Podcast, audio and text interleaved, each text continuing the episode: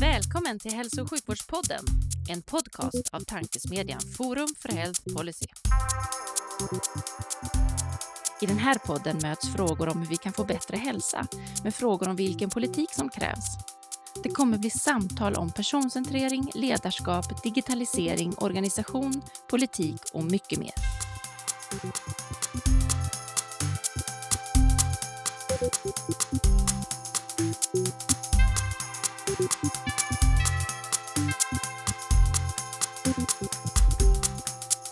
Hej och välkomna till Hälso och sjukvårdspodden, Tankesmedjan Forum för Health Policys initiativ för att sprida goda idéer och tankar kring dagens och framtidens hälso och sjukvård och omsorg. Jag heter Magnus Lejelöw och arbetar till vardags för Colivia men är även ambassadör för Forum för Health Policy. Och idag har jag förmånen att välkomna en kunnig person som, som kan svåra saker, eh, inom, så, som har sådana coola ord som federerade data och, och syntetiska, syntetisk data. Så det blir jättespännande att prata med lite specialfokus på, på AI och informationsdriven vård idag. Varmt välkommen Louise Wander. Tack. Känns det bra? Ja, det här ska bli jättekul. Eller hur? Det tycker jag också. Det är fredag när vi spelar in. Det brukar bli liksom extra mycket glädje i sådana. Vi är nyktra naturligtvis, så ska man vara när man spelar in podd. Men frågan hur, börjar som vanligt med hur ser du att svensk, hur tror du att svensk hälso och sjukvård ser ut 2040? Eh, jättesvår fråga först och främst. Eh, jag får ju svara på det först ifrån min, min roll eh, där jag jobbar med skiftet mot informationsdriven vård. Ehm, och då, vill jag, då förutsätter jag någonstans att om 17 år så har vi nog löst de här tekniska och juridiska och organisatoriska utmaningarna som, som täcker allt kring hälsodata idag. Ehm, det utgår jag från. Utgår från det? Ja, det utgår jag från. Om 17 år så har vi löst den knuten på något sätt. Ja, nej, vi håller tummarna. Vi, vi, får återkomma till det, men det känns ju som en, en rätt viktig punkt. Ja, absolut. Jag tror det går snabbare än så. Ja. Men med det sagt så tror jag, har vi löst den knuten och vi kan, och vi kan tillgängliggöra data, och då menar jag data från många olika källor runt en individ, så kan vi ju också få en mer komplett bild av en person. Ehm, och då kan man också ge bästa möjliga vård som kan vara anpassad till den personen. Det, det hoppas jag verkligen på. Ehm, och så hoppas jag att vi kanske har större fokus på hälsovården på sjukvård. Ehm, förebyggande åtgärder.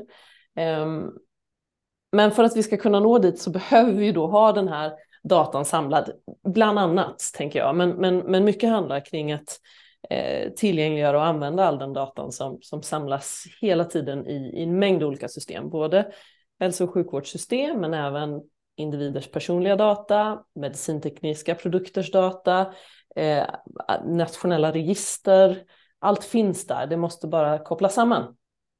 Eh, sen hoppas jag att de här tekniska lösningarna inte ehm, eh, jag hoppas att det finns en acceptans för, för tekniska lösningar som AI Eh, ehm, och att det, eh, de är anpassade för oss och accepterade av oss.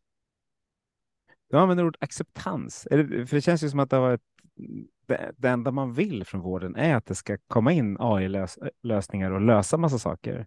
Tycker du att acceptansen saknas? Um, till viss del gör det nog det, um, men jag tror det är sammankopplat med, med um, att vi, vi måste nog informera alla lite mer om vad det här innebär och nyansera bilden av AI i sjukvården och begreppet hälsodata.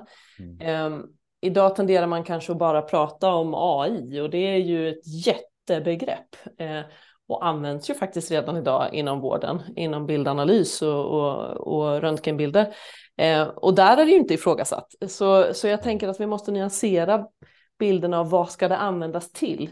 Och på samma sätt hälsodata pratar man lite slentriant om att det är en sak, men i realiteten är det ju en mängd olika saker och beroende på slutanvändningen av datat så, så, så kan, kan du använda olika sorters data. Mm. Det är bra, nu ska vi se hur mycket slentrian jag har hållit på med de sista 90 avsnitten när jag har pratat om hälsodata. För det är, det är så, det är ganska lätt att, att, att tänka att det ska bli en viss sak, men man, man kan ju inte allting. Det är, det är Nej, men precis.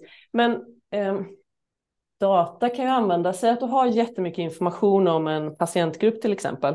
Mm. Då kan du ju på, på gruppnivå se tydliga mönster som sedan används av organisationen för att resursprioritera eller, eller eh, eh, på annat sätt fördela vårdens resurser eller vad det nu kan handla om. Men jag tror när det börjar bli känsligt det är när du använder personuppgifter för ett kliniskt beslutsunderlag. Det är ju det mest känsliga vi har inom det här området. Eh, och det ska fortsatt vara känsligt och det, där behöver vi ju följa de lagar som finns. Men det finns mycket annan information och många andra slutsatser som kan dras utan att det behöver bli känsligt. Mm. Eh, det, det tror jag att vi måste börja prata om. Precis, det är känsligt, men det är också när du kommer dit som, en, som jag som patient skulle bli nöjd. För det är ju så jag vill att man ska använda min data. Men vi kommer tillbaks till det. Här finns det, här finns det mycket att, att djupdyka Men jag tänkte för, för lyssnarnas skull eh, så ska du få berätta lite vem du är. Läser man ja. på, på LinkedIn ser man att du har varit hiking och golfguide. Det låter ju fantastiskt roligt. Oh, men, oh, men vad har var, du mer gjort då? Det var goda tider. Står det kvar på LinkedIn? Det ser man. Eh, nej, men jag, eh, jag jobbar som koordinator på ett forskningscentrum på Högskolan i Halmstad som heter Health Data Center. Eh, men innan det så var jag kommunikatör här på högskolan eh, under många år, eh, specifikt inom forskningskommunikation. Och så fick jag förmånen för ett drygt år sedan att ta klivet över och koordinera det här nybildade forskningscentrumet som då är ett samarbete mellan framförallt Högskolan i Halmstad och Region Halland. Sen har vi ett partnerskap med ett företag som heter Hallandia V också. Um, och jag har också en bakgrund som civilingenjör i kemiteknik um, och, och gillar det här gränslandet mellan mellan, mellan teknik och forskning och, och allmänhet. Mm. Um, och har alltid gjort det. Så att jag är jätte, jag tycker det är superkul just, just det jag håller på med just nu. Då har kommit, det låter som en bra bakgrund för att hamna där. Så, liksom, så man tittar man på vad det varit förut så låter det som att du har liksom pendlat dig fram och så kommit någonstans där du känner att men här kan jag verkligen använda den kunskap jag har. Men då har det kommit till ett väldigt svårt område också. Man ska förklara. Ja. Eh, ja, Eh, det har varit en brant lärkurva, men, eh, men har, jag har goda lärare här. Um, och det är lite det som är grejen tror jag. Jag kan, jag kan, eh, på ytan kan jag mycket om det här området, men, men djupet, det lämnar jag till mina, mina forskande kollegor.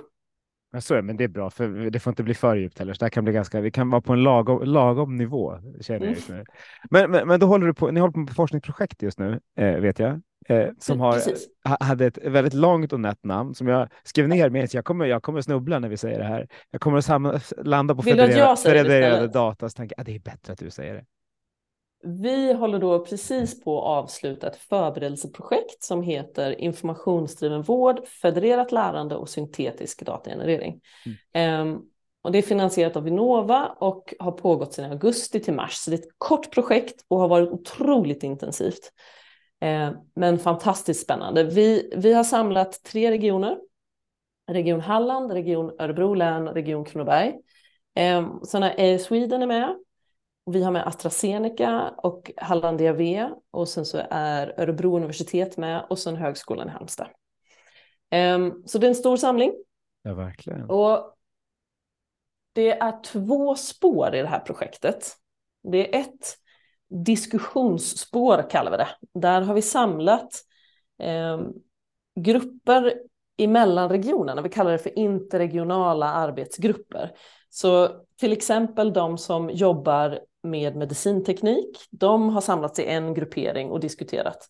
Och de som jobbar med implementering, kunskapsstyrning, juridik och så vidare. Så vi har samlat professioner från alla tre regioner i grupper och så har de fått prata om vilka utmaningar och hinder som det finns kopplat till hälsodata inom deras område.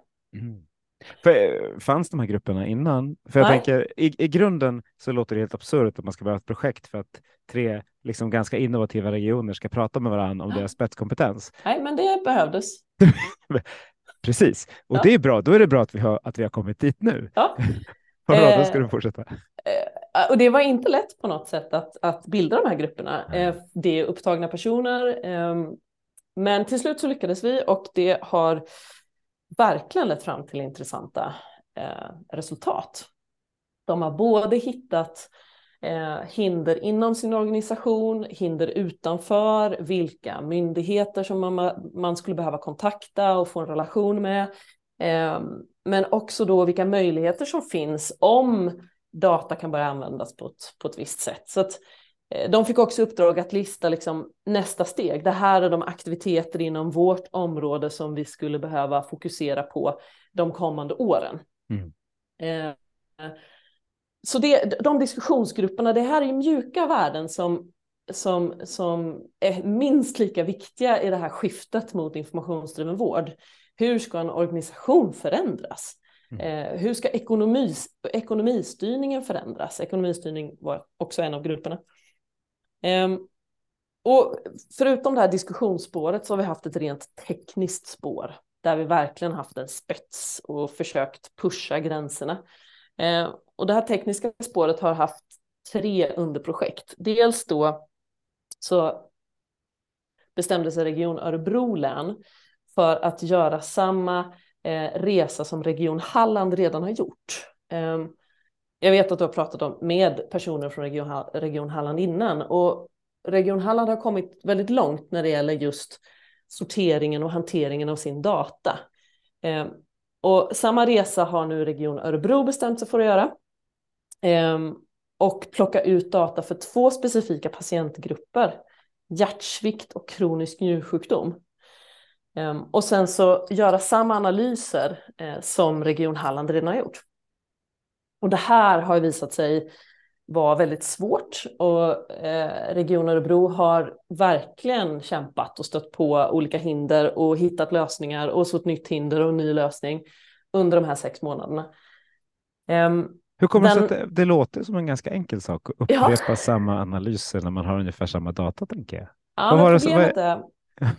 Ja, förlåt. Men vad var det som var problemet? Du kom ju direkt på den, så det, berätta, vad, vad var problemet? Det finns flera olika, vi kategoriserar faktiskt utmaningarna i, i tre fält. Eh, det, det finns organisatoriska utmaningar, juridiska och tekniska utmaningar. Eh, om vi börjar med de tekniska utmaningarna så, så eh, data är idag lagrat i jättemånga olika källsystem inom en region, flera hundra. Och om du ska ta ut data för en specifik patientgrupp så behöver du nå alla de här källsystemen. Det är först då du får en komplett bild över en specifik patientgrupp. Eh, och då är det både kliniska data och resursrelaterade data. Mm. Eh, och då, då kan du se en, en eh, du kan se en vårdkonsumtion och du kan se en patientresa för den här gruppen. Och det här är inte lätt. Alltså regionens datasystem är liksom inte gjorda för det här. Så utmaningen i Region Örebro har varit och, och på något sätt bygga om den här datastrukturen och möjliggöra att plocka ut från alla källsystem. Hur ska det lagras? Var ska det lagras? Hur ska det sedan analyseras? Nya plattformar, nya, eh, ny, ny hårdvara, ny mjukvara. Och sådana här innovativa projekt och pilotprojekt, de, de är svåra att genomföra i en region för det är ganska fasta strukturer och fasta processer så de här snabbfotade pilotprojekten där man bara ska testa någonting, de, de, det finns det ingen riktigt bra struktur för. Det låter som man är lite nere på grundproblemet där, att, att datan är så fragmentiserad. Att vi liksom har den i 160 system, vilket jag inte har något som helst problem med så länge man kan få ut datan och få titta på datan utifrån en person. Eh, jag hörde att det var problem även i Halland, så det låter som att här har ni lite att jobba på. Absolut. Definitivt, det är steg ett. Har, har, har ni, kom, har, ni kom, så... har ni kommit till en lösning på det där så att ni liksom nu kan? Nu har ni gått igenom det i Halland och i Örebro. Nu, nu har vi så här. Det här är en quick fix för de andra 19. Vi ämnar ju att formulera någon form av modell, best practice. Det, det är liksom det som vi ser som nästa steg. Att skriva något så här. Så här har vi gjort. Snälla alla ni andra, undvik de fallgroparna. Så. Ja, det låter, det, det, det, låter som att ni inte helt är säkra på vad det ska vara där som är lösningen. Utan det låter nej, som att det nej. kan bli ganska komplext. Det finns säkert flera olika lösningar också. Jag tror inte man ska låsa in sig vid något. Men det vi kan bidra med är ju att beskriva hur vi har gjort och eh, vad, vilka liksom stopp det har funnits och hur vi har kommit vidare och vilka, de rekommendationer som skulle kunna Yes då. Men nu ska vi komma ihåg att jag jobbar på Högskolan i Halmstad och det här är regionernas jobb, men, men i det här projektet så, så har vi ändå summerat de utmaningar som regionerna, som vi ser att regionerna står inför. Du, du, hade ju från början så var det faktiskt tänkt att vi skulle ha en regionrepresentant med i det här samtalet också, men hon blev akut sjuk här på, på, på ja, för en timme sedan. Precis. Ja, men, men liksom kanske får du möjlighet att intervjua henne ändå. Vi får se. Ja, det får vi säkert göra, men jag tänkte då, nu får du ha på hennes hatt så länge också. Ja, lite, sådär. Det... lite, lite den hatten kan jag ta. Men, eh, men för att återkoppla då till... Jag tänkte du kommer få en jobbig period, för jag kommer att avbryta dig en massa frågor hela tiden när du ska försöka berätta om det här, för det är så spännande område. Men varsågod, vi lägger tillbaka på Jag försöker hålla tråden här nu och gå tillbaka. Jag berättade att det här projektet har två spår. Diskussionsspåret har varit interregionala arbetsgrupper som har pratat om sitt område. Det andra spåret, det tekniska spåret, är då Region Örebro läns datauttag. Mm. I det tekniska spåret så har vi också haft två till under projekt och det är då federerat lärande. Och där ämnade vi att testa federerat lärande över projektets tre regioner. Men det har parallellt under vår projektperiod så har det pågått ett systerprojekt mellan eh, Salgrenska och Region Halland som heter Decentralized AI som har varit ett pilotprojekt för IMY, Integritetsskyddsmyndigheten. De har studerat det.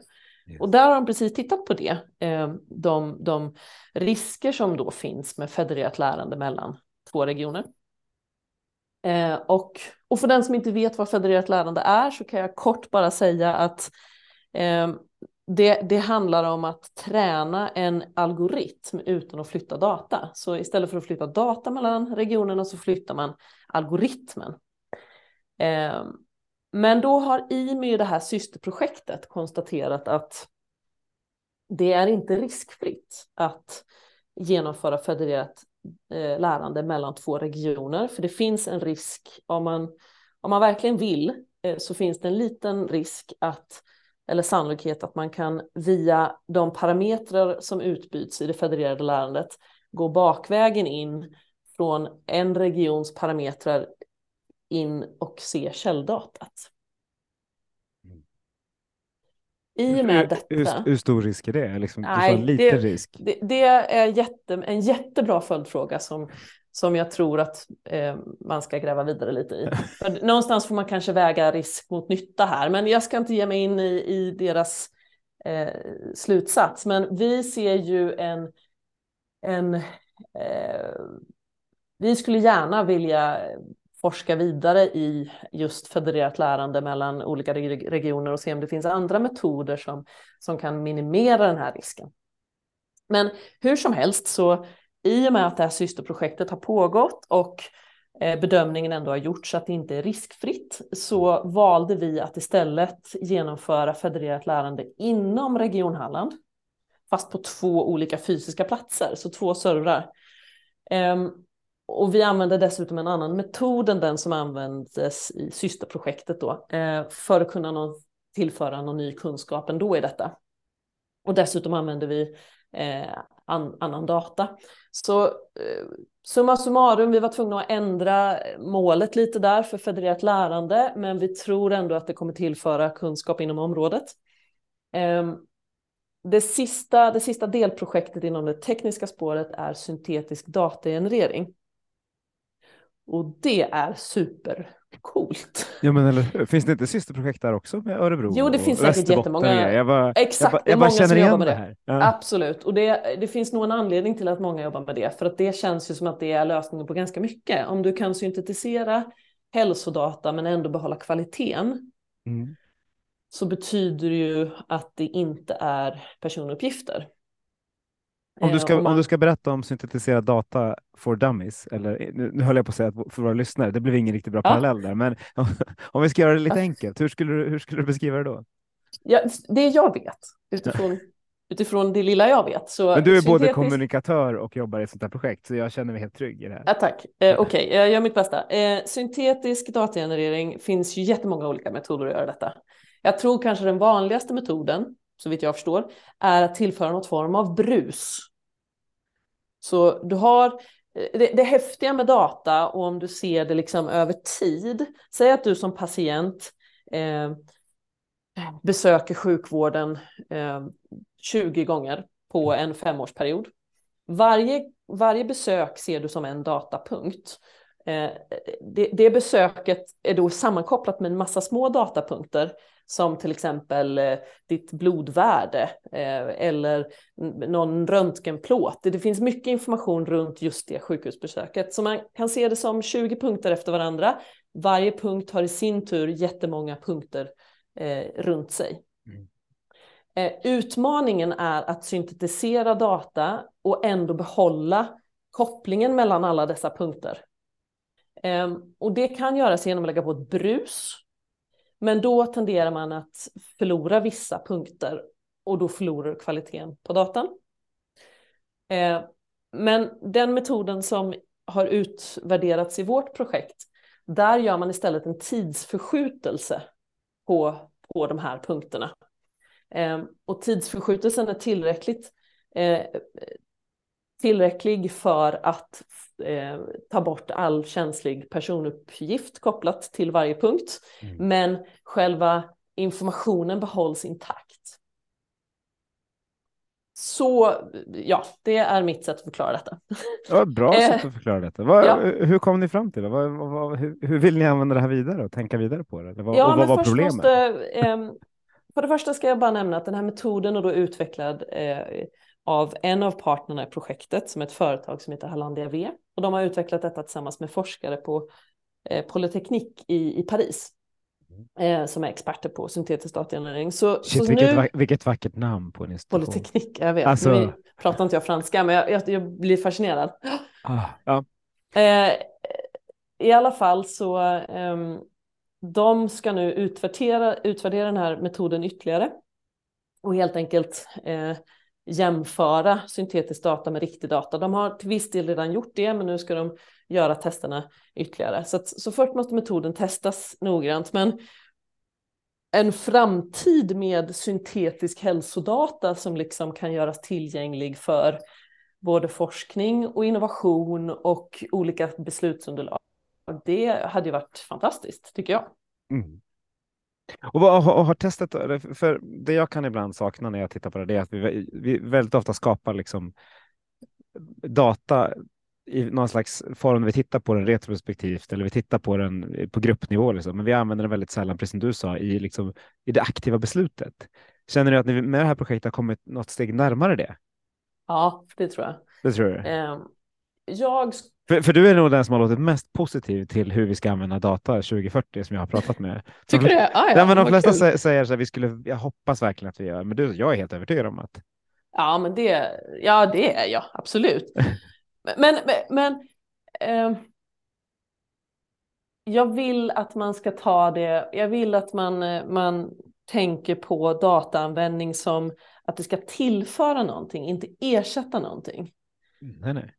Eh, jag vill bara vara, vara tydlig med det, för att jag som personligen år 2040, jag vill ju träffa en fysisk person. Jag vill ju träffa en läkare. Jag, jag, vill ju inte att någonting ska ersätta det mötet, men däremot så vill jag att det ska underlätta i det mötet och underlätta i, i de beslut som fattas och diagnos och, och, och hur vården av mig ska ske och så där. Så att, eh, Ja, jag vill bara lägga till. Nej, men det är bra. Jag vill inte träffa en läkare helst. Jag vill ju helst träffa en fysioterapeut eller en liksom, sjuksköterska eller en farmaceut eller vem det nu är som är på rätt nivå. Kanske en personlig tränare. Vad, vad vet jag hur långt vi har kommit? Eh, så, så, jag tror att det är jättebra att man liksom styr så man, så man skapar så bra beslutsunderlag som möjligt för den individ som träffar dig. Eh, så att vi inte hamnar i det läget vi är nu, där liksom allting landar ner på, på läkaren. Men, men jag tror att nyckeln, om jag får gå tillbaka till det här med, med det data då. Ja, men tack.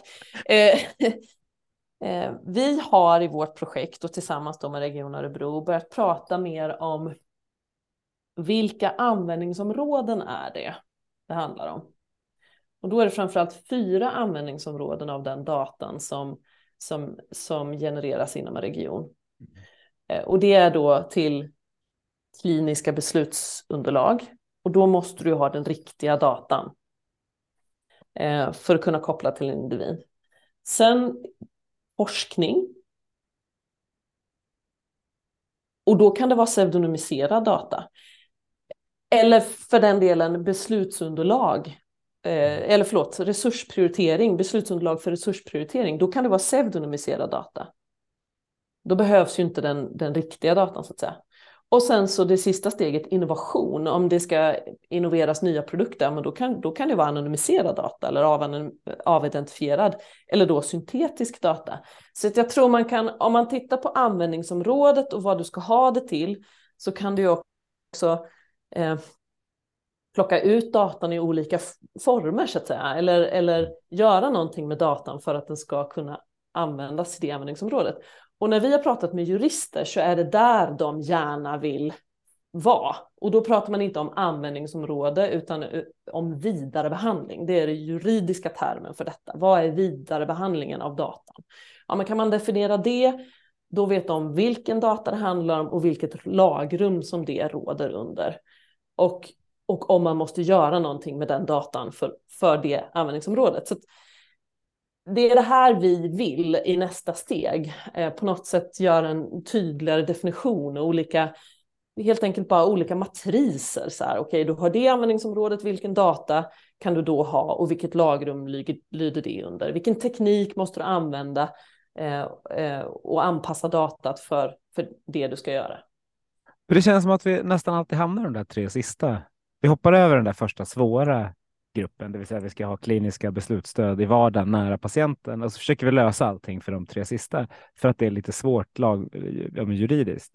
För du, du, sa att det finns juridiska problem och det finns ju liksom utmaningar som heter duga. Och samtidigt så är det där vi vill hamna. Det är där datan kan göra som mest nytta nära patienten. Den kan absolut göra nytta i forskning också. Jag är liksom jättepositiv till det, men jag skulle så gärna ha den nära patienten. Och, och, det är det jag menar när jag säger att jag, jag, tror 2040 har vi definitivt löst det. Det är ju redan nu på gång olika lagförslag kring detta och äh, bollen är i rullning liksom. Men den rullar ganska långsamt, gör det inte? Ja, jag vet inte, allt är relativt. Okej, okay, det är bra. Det är bra ja. att du är positiv, det är, det, det är helt rätt. Eh, vad var de största juridiska utmaningarna ni såg idag? Oh, eh, Ni skulle sätta ehm. ansiktsuttrycket nu, för nu var det bara signalerade. Oh, ska vi ner i den här grottan nu? Nej, men jag tror precis som jag har sagt att vi måste börja nyansera det lite grann och mm. prata om alltså att man måste kanske prata om någon form av skala liksom. En anonymiseringsskala till exempel. Vad, när, är, när är datat anonymiserat? När är det pseudonymiserat? Alltså den, den skalan är inte riktigt någon som kan svara på. För, för det avgör i sin tur eh, en juridisk bedömning. Eller en, de, de pratar, juri, jur, jurister pratar ju om en riskbedömning mm. hela tiden. Det är ju hela tiden en konsekvens och riskbedömning. Och, och, kan du någonstans definiera en skala tydligare så, så tror jag att nästa steg blir lättare också. Eh, så, så där... Eh, ja, det, där behöver man nog jobba en del och, kom, och fatta beslut hur, mm. hur det ska vara. Liksom. Hur långt tror du att vi har, du som har sett nu lite data lite från det hållet, hur långt tror du vi har kommit 2040 eh, rent utifrån att få in andra datakällor än de som är sjukvårdens datakällor? Jag, för er som har lyssnat på den här podden så kommer jag ofta tillbaka till apoteket, Fysiketis och ICA för att det är så praktiska alla vet vad, man kan, vad, vad, vad, det är för något, men det är data som genereras utanför sjukvården idag Även om det är lite kanske absurt att apoteken är utanför sjukvården, men det är de ju. Eh, men ändå data som, som är väldigt patientnära. Tror du att vi kommer att få, ha fått in den och inte, inte då? Alltså jag fattar att all data vi samlar skulle bli övermäktig om vi skulle få ihop, men, men, men liksom rätt data och, och intressant data för ja, men till exempel fysiskt välbefinnande. Ja, men där har du en poäng. Jag tror att man måste bestämma vilken data som är relevant. Mm. Um, och jag, jag har inget svar på detta, men det, det när jag pratar Det var med... coolt om du hade ett svar. Ja, liksom, verkligen. Eh, men när jag pratar med AI-forskarna här, mm. det är så kul att få deras perspektiv, för de är ju superskickliga på sina grejer. Liksom. Och det de skulle önska för att göra bästa möjliga prediktionsmodeller mm. kring en sjukdom, det är ju att få data från friska personer. Mm. Så det vi ska komma ihåg är att de prediktionsmodellerna de jobbar med nu är ju är ju data från, från sjuka personer och då är det väldigt svårt att, att, att få någon, eh, någon baslinje. Liksom. Eh, så jag vet inte, men tänk om vi år 2040 att, att man kan donera sin data. Precis som vi donerar blod och donerar organ. Tänk om vi så här, jag som medborgare, jag väljer härmed att donera min data för att sjukvården ska bli mer effektiv, för att man ska kunna forska bättre på sjukdomar och för kommande generationers vård. Att man liksom, tänk, tänk om vi kan donera vår data. Ja, och jag är jättepositiv till det. Jag donerar väldigt mycket data till Facebook och Apple redan nu. Ja. Eh, så jag hade jättegärna donerat till, till liksom någon som kan göra något. Hur, hur ska, vad, vad skulle du sätta upp för ramar? Då? Vil, vilken data ska jag donera? Nej, du? precis. Det är, här, det är nu det börjar bli svårt. Men, och jag, för så här, jag är verkligen positiv. Jag tror att jag hade tryckt på knappen imorgon om det hade varit så att jag hade, jag hade först läst igenom vilken data det var. Men sen liksom, om det hade gått till forskning och till, till min egen vård och andras vård men, men det var bara intressant. Vad, vad, vad hade du och dina AI-forskarpolare vad, vad, tror du för data man hade kommit fram till? För det låter egentligen bisarrt att de säger att det, åh, vilken våt dröm att kunna få friska personers data. Och jag sitter här, hallå, jag är ganska frisk och har ja, men... jättemycket data. nej, jag, nej, jag, ja, nej, det här är ju nog, det är en svår nöt att knäcka, precis som många andra nötter här i, i samtalet. Men, men eh, jag har också min tilltro till, till den generationen. Säg om 17 år, då är mm. ju dagens ungdomar vuxna och, och de har en annan relation till allt det här. Jag vet inte, jag tänker att det kanske blir lite mer avdramatiserat och ja. Fast det är dramatiskt att tänka att min 14-åring är 31 tycker jag. Ja. Det, det, kände jag direkt att det var, det var dramatiskt. Men... Du kanske är morfar eller farfar. Ja. ja vi, vi, vi lugnar oss nu. Mm. Men det är sant, det blir, och det blir väldigt långt fram när man tänker 17 år är kort tid på många sätt och vis och ganska lång tid på, på, på andra sätt och vis. Mm. Eh, men vad ska, vad ska ni ta vidare nu då? Om ni tänker, nu, nu går jag tillbaka till projektet och lite för att ja, det, liksom, vi, vi haft det som röd tråd lite i, i samtalet. Mm. Tänker, vad har ni tänkt att ta, eh, dra vidare framåt nu då? För, för, du sa att det här är ett förprojekt. Det brukar ja, men precis. det är ett förberedelseprojekt ett... där vi liksom, vi, vi spände bågen högt säger man inte, hårt säger man. Ehm, eh, och, och satte väldigt höga mål och till viss del har vi nått dem, till viss del fick vi liksom förändra våra mål. Men framför allt så ser vi nog redan nu att vi vill fortsätta. Framför allt att flera regioner på något sätt har ett gemensamt skarpt projekt. Det har varit väldigt effektivt att ha en kombination av mer diskussion och workshops och vart vill vi och kunskapsstyrning och så. Eh, och det här skarpa tekniska, liksom, det har varit eh, mycket effektivt. Så, så det vill vi fortsätta med. Eh, så vi ämnar att, att, att, söka, eh, att söka finansiering för fler år och fortsätta det här spåret och på något sätt bana vägen och testa gränserna i sådana här projekt där vi tar ut data från olika patientgrupper och, och, och gör analyser på det. Eh, och även fortsätter med syntetisk datagenerering, federerat lärande, testar olika tekniker eh, och har ett tätt samarbete med regionjuristerna också i allt detta. Och ni har ändå tagit tre nu låter jag lite förmätet, men tre ganska lätta regioner. För det är lite mindre regioner, det är ganska framåtblickande regioner som ju liksom ligger i framkant i det här området. Eh, och, och, ändå så sa ni att ni stötte på massa, massa motgång. Hur, vad, vad, vad, tror du kommer att vara när man kommer till de kanske lite större kolosserna som? Nej, men jag tänker att till stor del så så måste väl ändå detta vara skalbart. Liksom. Alltså, jag hoppas alltså, att det är så. Ja, jag hoppas det. Men, men absolut, du har rätt. Vi, vi är ju alla regioner av ungefär samma storlek. Um, uh, och, och det är klart att det är lättare och, och av de, de andra regionerna av samma storlek kommer ju ha lite lättare att, att titta på vad vi gör och, och lära sig av det än de jättestora regionerna. Men, men alla regioner håller ju på med det här och, och på ett eller annat sätt och har sina förutsättningar. Så är det. Ja, verkligen. Hur är din bild om man tittar på um, jag har en kompis som skulle vilja skapa, ett datamognadsindex mellan regionerna och jämföra hur mogna man är på att Oh. hantera sin data. Eh, Allt från liksom någonstans helt ostrukturerad data upp till grafdatabaser. Hur, vad tror du? Vad, vad tror du våra regioner som du har jobbat i och, och övriga ligger nu? Om man skulle liksom titta på dem utifrån det perspektivet. Ja. Hur illa eh, är det? Jag, på Jag påminner om att jag inte jobbar på en region här. Så att, eh, nu, Men, det, men du jobbar i en region med, med, med tre regioner i Det varje fall. korrekt. Eh, men eh, jag tror och hoppas att Region Halland ligger i toppskiktet någonstans. Jag vet att de eh, redan har gjort ett stort jobb med, med sina datalager. Um, och jag vet att de är redo att ta nästa steg. Så, att, så jag skulle tro att de ligger högt i mognad. Region Örebro har ju kommit här på slutspurten med en väldans fart och, och växlat om. Um, och har en regionledning som, som har sagt att det här är prioriterat. Um, så de borde nog ligga där också någonstans. Sen vet jag att Västerbotten ligger väldigt långt fram. Ehm, de stora regionerna ligger också långt fram för de har ehm, eh, de har mycket resurser och de har mycket data och sådär. Men eh, jag skulle bara gissa om jag fortsatte. Och du gissar bra nu. Så, Om Mm. vi då säger att du säger ligger långt fram. Eh, vad är långt fram? Är det på en skala 1 till 10? Är det 1,4 eller är det 8? Vad och är då tänk- 10? Och då 10 det tänker jag eh, är att om du säger jag vill, jag vill veta någonting om en person så kan jag få all data från samtliga datakällor i regionen strukturerat i liksom någon slags gemensamt datalager.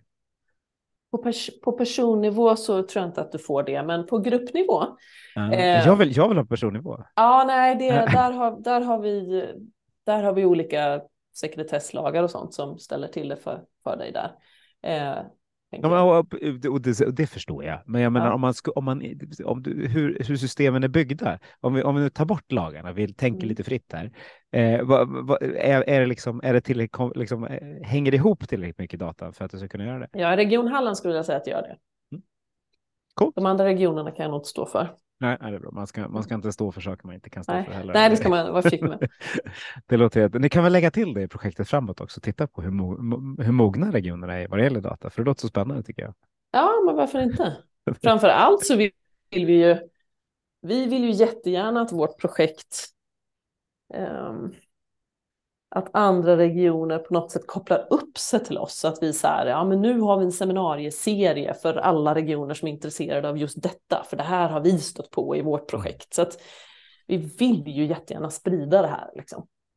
Precis. Ehm, Vad kom man fram till i gruppen om ekonomisk styrning då? För det är också en sån här liten knäckfråga. Oh, Ja. Bra fråga. Ehm, nej men eh, de pratar väldigt mycket om, om hur regioner kan, kan skifta mot patient encounter costs, PEC.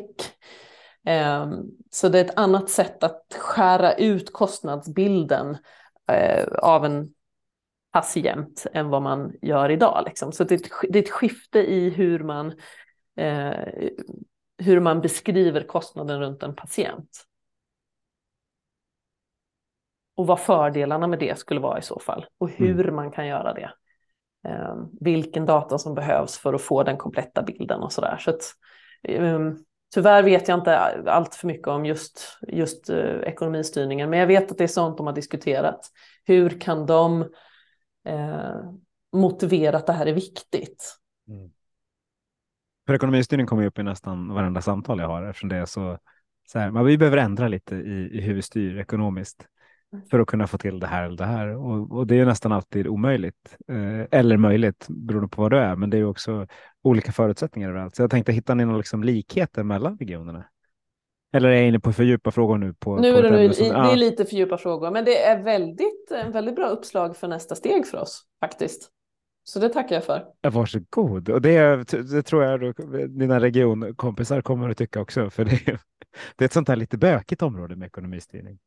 Ja. Eh, om man då tänker på, på om vi nu har löst alla juridiska frågor eh, fram till 2040 för att kunna dela data och vara, liksom, eller vara nära att, att det finns kunskapsstöd, kliniska underlag för dig som patient. Vilka liksom, organisatoriska förändringar tror du vi måste göra då i, i, liksom, för att kunna använda det? Och nu kanske du får gå bort från projektet och tänka okej, okay, nu blir det fritt spelrum här. Vad behöver vi, behöver vi göra något annorlunda för att kunna, kunna använda den där kunskapen? Inom just en hälso och sjukvårdsregion menar du? Kan du ta om du vill. Jag tänker så, du får, du får bestämma, du som patient eller person eller individ. Vad tror du att hälso och sjukvården, hur tror man måste liksom strukturera om sig om du tror att man måste göra det för att kunna använda alla de här möjligheterna som, som kommer fram? Lätt liten fråga det blev av det. Och jag är helt tyst här nu. Eh, mm. Nej, men jag vet, jag kan återigen koppla tillbaka till projektet, för det som kommer fram som önskemål om nästa steg och aktivitet för nästan samtliga de här tvärregionala eh, arbetsgrupperna, mm. det är utbildning. Och då är det utbildning inom regionerna eh, på olika nivåer och med olika liksom, målgrupper. Eh, vad informationsdriven vård är, hur, hur data tas om hand, hur man kan använda data och, och sådär. Så att utbildning känns som liksom en centralt, centralt begrepp och en nödvändighet. Men sen finns det ju jättemycket, många fler dimensioner. Man måste ju kunna eh, lita på den datan och det beslutsunderlaget som, som finns. Och då finns det ju olika forskningsfält som explainable AI måste komma mycket, mycket längre. Du måste kunna om du är en läkare och ska behandla någon så måste du kanske veta hur har det här beslutsunderlaget kommit fram? Liksom, hur har algoritmen fattat sitt beslut? Vilka parametrar har, har den tittat på? Och, så där? och allt det måste liksom tydliggöras. Så att det här är ju både en utbildningssats inom en hälso och sjukvårdsregion. Det måste också finnas en större förståelse hos patienterna, tänker jag. Mm. Eh, att förstå vad det här är för någonting. Och sen så måste naturligtvis tekniken utvecklas och vara anpassad för alla oss. Liksom. Det, just nu så känns det lite som att det här är parallella spår. Ja, men forskarna de trycker på från sitt håll och bara det här är ju fantastisk teknik. Det finns ju massor att hämta ur det här. Men det finns ingen riktig mottagare än, liksom, utan det måste ju utvecklas. Så den här implementeringsfasen nu för att få det här att börja användas är ju superkomplex. Mm. Jag kan inte svara bättre än så. Det Nej, kommer det... krävas både utbildningar och teknisk mognad och samsyn och massa olika perspektiv och det ska lyssnas och målgruppstänk och jag vet inte, nu kastar jag ur mig en massa sådana designord. Men, ja, men det är bra, ja. det och designord är bra. Du jobbar i ett sådant bra fält, det finns många fina ord att plocka fram. Men, men en sak jag funderade på när du sa, och näst, liksom, ska en läkare verkligen förstå allt som är bakom vad algoritmen gör för att komma fram till någonting? Kommer Man ska det bli förstå gör... tillräckligt mycket. Ja, men kommer det bli gör... Om du tänker att du är primärvårdsläkare och det är jättemånga diagnoser och jättemycket AI som ska hjälpa dig till slut. Hur, hur mycket ska du börja förstå eller hur mycket ska du lita på systemet? Det kanske ska vara så naturligt så att du inte ens ifrågasätter det. Liksom. Alltså, jag går tillbaka igen till eh, röntgen bildanalys. Liksom. Det är ju inte ifrågasatt ifrågasatt, utan där används det, den, den maskinen litar vi ju på idag att den ska visa korrekt bilder och där har vi till och med applicerat AI som hjälper en läkare att hitta olika mönster i en, i en, eh, i en röntgenplåt. Men så jag, jag, jag, hoppas 2040 att, att det här inte ens är någon grej, liksom, utan att mm. eh, det är lika naturligt som någon, någon annan något annat resultat du får från någon annan maskin eller sådär, att du har uppnått någon form av tillit. Ja, vi litar rätt mycket på Google och på, på GPS och sådana grejer som ju är rätt mycket AI också. Eh, men, men, när det kommer till egen vård så är vi alltid lite restriktiva på ganska goda grunder. Men jag var rätt nyfiken på när, liksom, vad, vad du tror, för det, för det blir svårt om man ska förstå allt också. Nej, och det ska man ju inte. Jag tänker att man ska göra det man är bra på. Läkare ska ju göra det de är bra på. De ska ju bli hjälpta ja. och inte behöva göra en massa mer. Eh, och, och sen bli osäkra för att du helt plötsligt får jättemycket olika beslutsunderlag. Så det ska naturligtvis hjälpa, inte skälpa. Då är det ju fel. Liksom. Vilka roller tror du kommer att komma in då eh, 2040 för att få till det? Liksom, om du, du, du, nämnde just några som jobbar med explainable AI. Eh, rimligt tycker jag. Det är coolt att ha en sån anställd i, i Region Halland. Kommer du ha, vad kommer du ha mer för roll? När man, som, som, som kommer vara annorlunda? Är det bara dataanalytiker och eh, AI-experter eller tror du något annat? Nej, men det måste ju vara en mer mänsklig aspekt också. Jag tänker det måste finnas de som tittar på den etiska biten av, av, av data. Liksom. Och det är ju samma diskussion som egentligen finns inom autonoma fordon också. Liksom. Mm. Att, ha, vem är nu ansvarig för att den här bilen körde på någon? Liksom? Är det tekniken eller är det föraren? Och, och på samma sätt så måste det finnas eh, människor med sådana roller också. Nu spekulerar jag ju friskt här. Men det är bara poängen, det är det som är bra med ja. en podd, att man får spekulera fritt. men, nej, men så jag, jag tänker att det finns, det måste ju finnas mängder av olika roller som liksom um, blir någon form av länk mellan den nya tekniken och, och, och det som är en hälso och sjukvårdsorganisations huvuduppdrag. Liksom. Mm. Alltså, vi, vi, vi ska ju, vi ska ju, läkarna ska liksom inte, det är klart att de, de kanske redan i, tidigt i en utbildning, så kanske både läkare och, och sjuksköterskor och all annan vårdpersonal behöver lära sig lite om, om, om AI, men det ska ju vara på en lagom nivå för att kunna använda saker och ting. Sen måste det finnas andra professioner och andra roller som ska kunna stötta i detta, tänker jag. Mm. Hoppas jag. Verkligen, det är helt nödvändigt tror jag också. Jag, jag lyssnade på några föredrag där jag tror Husqvarna som berättade om hur de jobbade med AI och, och hur de ska klippa träd Eh, när de liksom eh, såg till att man, man, visste att den som var liksom förare för alla de här fordonen som var runt kunde veta hur, hur liksom, vilket, vad man skulle åka nästa gång. För man visste att den busken skulle klippas på det sättet och den skulle göra på det sättet. Det skulle vattnas på det sättet, liksom en slags framtidens trädgårdsmästare. Lätt skitcoolt tyckte jag. jag. Tänkte det här vill jag ta med mig jättemycket av in, in till hälso och sjukvården. Vad, vad tittar du på för andra aktörer utanför liksom, hälso och sjukvården när du tänker på att men, vad, hur, så här vill vi applicera AI? Ja, jag tycker det är ganska coolt. Här på Högskolan i Halmstad då, så eh, har, ju, har vi ju många olika AI-forskare med flera olika inriktningar. Och mm. eh, någonstans så började faktiskt den här resan mot, mot att applicera AI inom hälsa. För att det var någon smart person som drog likheter med, med fordonsindustrin och de eh, de AI-forskarna som jobbar inom det, för då, då jobbar de med predictive maintenance av mm. fordon. Eh, och, och, olika prediktionsmodeller som kunde avgöra men när måste den här bussen åka in för lagning.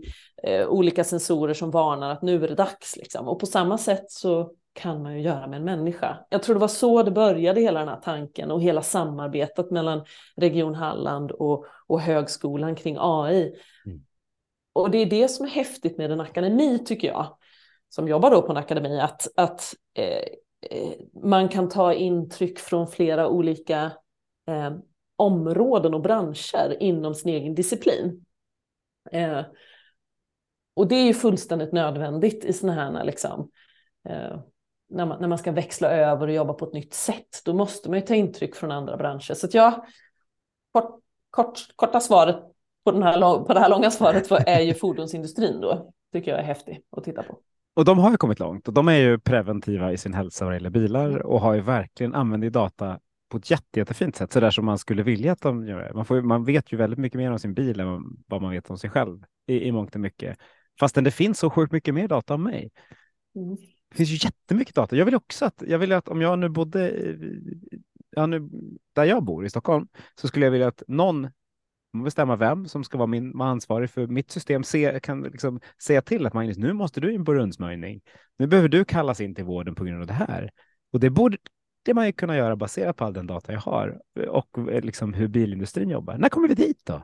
Jag vet inte, men vill vi komma dit? Jag tänker också. Jag vill komma dit. Ja, jag vill jo, säga ja till att komma dit. Ja, precis. Det här är väldigt individuellt för att alla vet ju att det är viktigt med motion och att man inte ska äta en påse chips per dag. Liksom. Alla vet detta, men ändå så har vi ett ökande problem med, med övervikt och, och livsstilssjukdomar. Liksom. Så någonstans så, det spelar ingen roll hur mycket vi vet om att det är farligt att agera på ett visst sätt. Vi gör ju det ändå. Så hur kan tekniska lösningar och data pusha en förändring utöver de signalerna som vi faktiskt redan idag får? Tycker jag är en intressant tanke. Absolut, och då tänker jag att svara på det kanske om du, om du vet om att du är lite överviktig så det, det, är inte så kinkigt. Däremot om du vet om att du är liksom så här mycket närmare att få en sjukdom så brukar det bli jobbigare. Eh, så det finns ju mm. andra markörer tänker jag som man kan lägga till. Det finns ju coola markörer om, om liksom att du är på väg att få hjärtproblem. Det finns ju enkla markörer som blodfetter eller blodsocker eller så som man skulle kunna addera till det där. Och sen så återigen, hur mycket vill man veta? Rent personligen, jag har en mamma med, med både Alzheimers och frontallobsdemens. Jag är inte jättesäker på att jag skulle vilja få reda på att det, att det är på gång för mig. Det, det hade varit förödande i mitt liv just nu om jag skulle veta att om 20 år så kommer du inte minnas någonting. Ja, det är ett av de stora problemen med den typen av läkemedel. När de, de man just nu, de som finns behöver sättas in innan du får symptom. Men du kan få, det finns ju markörer som visar på att du kommer att få symptom.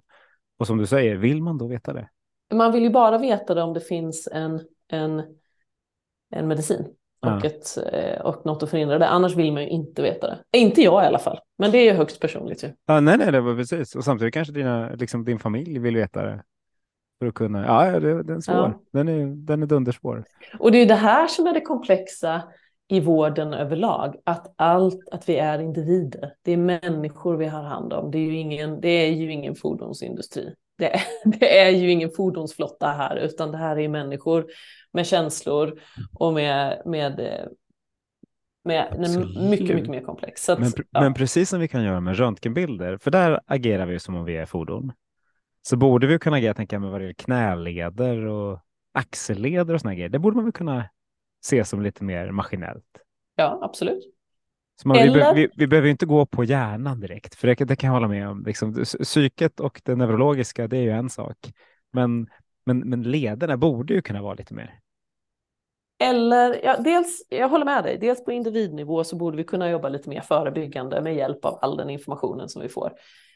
Men framför allt också på gruppnivå tänker jag, att sätta in förebyggande insatser om du vet att en viss grupp eh, riskerar eh, psykisk ohälsa eller mm. någonting annat. Liksom att vi använder data för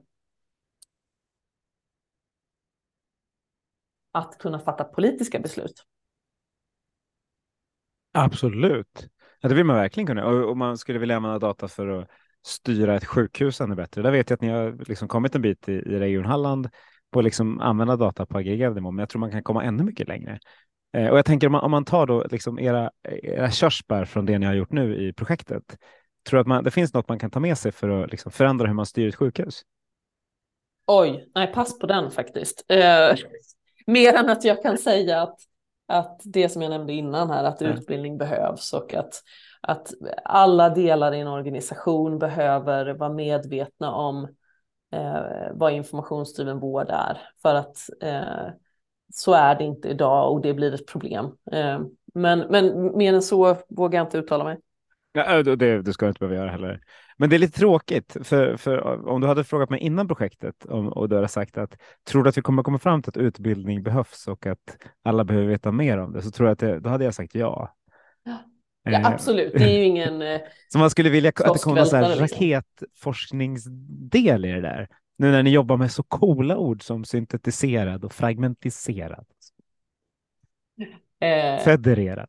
Ja, men jag tror att det här är någonting på spåren, liksom att man. Att man förklarar de här svåra Eh, tekniska framstegen och tekniska orden, att det förklaras på ett annat sätt. Det är ju här kommunikation, som jag brinner för, är otroligt viktigt. Jag tror det är väldigt, väldigt, väldigt viktigt med någon form av samsyn. Jag märker ju att vi egentligen pratar om samma sak, men beroende på vilket område du kommer ifrån och vilket perspektiv du har så har du helt andra begrepp.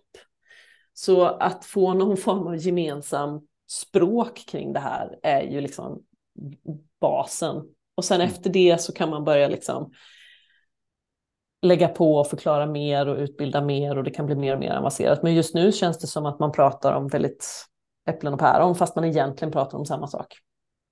Väldigt bra poäng. Eh, och på tal om äpplen och päron så sa du innan vi började spela in så sa jag, jag, jag kan inte allting om projektet. Vi var ju liksom olika delar så här, jag har ju ändå skjutit med svåra frågor på alla håll och kanter, men du har hanterat det väldigt bra. Så det, det, är skönt att se, trots liksom att jag inte alls höll mig till vad jag, vad jag hade sagt innan. Men så funkar jag rätt ofta. Nej, vad, vad, hade du, vad, vad, sa du att du skulle hålla dig till? Jag skulle vara snäll, snäll, och inte gå in på djupet i de, där, i de ah, frågorna ja. som, du inte, okay. som inte berör precis det du jobbar med. Men det, det lyckades ändå. Eh, du, när, när du gick in i det här digitala rummet, eh, precis efter att din kollega hade blivit sjuk och du fick veta att du skulle vara själv, vad, vad hade du för förväntningar som, på frågor som jag inte har ställt?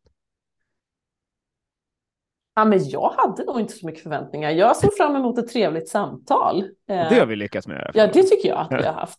Sen så, sen så kanske vi inte har levererat så mycket svar, men, men eh, fött en del tankar. Ja, precis, jag tänkte säga att det är inte alltid svaren man, man vill komma till, utan man vill också få, få alla att tänka. Och det är jag helt övertygad om att vi har fått, i alla fall mig att tänka. Det, då har man kommit ganska långt. Så har vi fått en massa lyssnare också och, och, och fundera och reflektera kring svåra och lätta ord. Men ja. Louise, då skulle jag vilja tacka dig varmast för att du var med i Hälso och sjukvårdspodden. Nej, men tack så mycket. Tack själv, Magnus. Det har varit väldigt trevligt. Grymt. Men då går vi ut och förändrar svensk hälso och sjukvård till bättre. Då. ja, låt oss försöka. Eller hur? ja.